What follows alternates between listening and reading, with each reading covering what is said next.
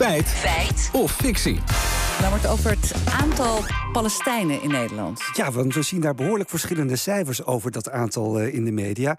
En twee daarvan liggen wel heel veel uit elkaar. Volgens de Volkskrant leven er 900 Palestijnen in ons land. Maar de burgemeester van Vlaardingen zei in trouw dat er alleen al in zijn gemeente, overigens met de grootste Palestijnse gemeenschap in Nederland, 5000 inwoners van Palestijnse komaf zijn. Nou, dat is inderdaad een groot verschil. Uh, we konden uitzoeken wie er gelijk heeft. Nou ja, we zijn dat uh, gaan proberen te beginnen bij de gemeente Vlaardingen. We moeten natuurlijk wel even weten hoe zij aan die 5000 komen. En daarom wilden we met Anneke van de Ven hoe dat bijgehouden wordt. Dat wordt niet per se bijgehouden. Er heeft ooit een journalist onderzoek gedaan en een boek geschreven over de Palestijnen in Vlaardingen.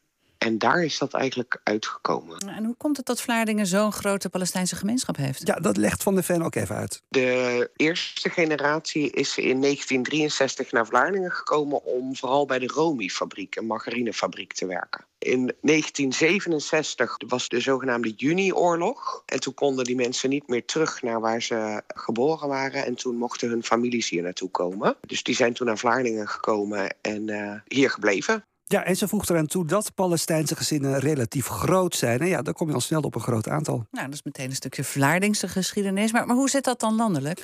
Esther van Stichting Planten Olijfboom, dat Palestijnse boeren steunt, legt dat uit. In 1948 zijn 750.000 Palestijnen gevlucht uh, vanuit Palestina. En die zijn eigenlijk verspreid geraakt over Syrië, Libanon, Jordanië en andere landen. Daarna uh, zijn in 1960 veel Palestijnen voor studie en werk naar Nederland gekomen. En in 2012 was eigenlijk de tweede golf van stateloze pa Palestijnen die naar Nederland kwam.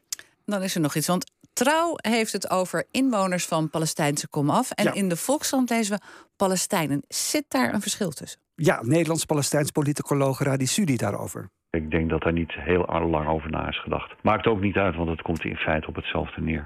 Oké, okay, helder. Goed, wa waarom is het uh, zo lastig om te bepalen hoeveel Palestijnen of mensen van Palestijnse komaf er in Nederland zijn? Ja, daar is wel een verklaring voor, zegt Esther. Palestijnen die zijn gevlucht uit bijvoorbeeld Syrië, die worden geregistreerd als Syriër. En inderdaad, als je als Palestijn uit Gaza zelfs hier naar Nederland komt, dan word je geregistreerd als stateloos of onbekend. Dus daarom is het zo moeilijk om te zeggen hoeveel Palestijnen er precies zijn. Nou heeft de Volkskrant het over maar 900 Palestijnen in Nederland. Kun je dat ook zo stellig zeggen dan?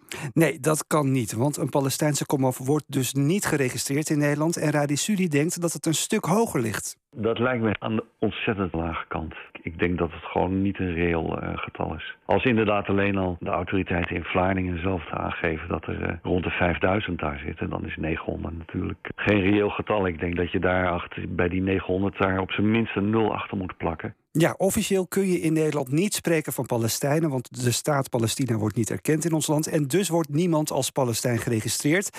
De Palestijnse gemeenschap zelf schat dat het aantal niet rond de 900, maar rond de 35.000 ligt.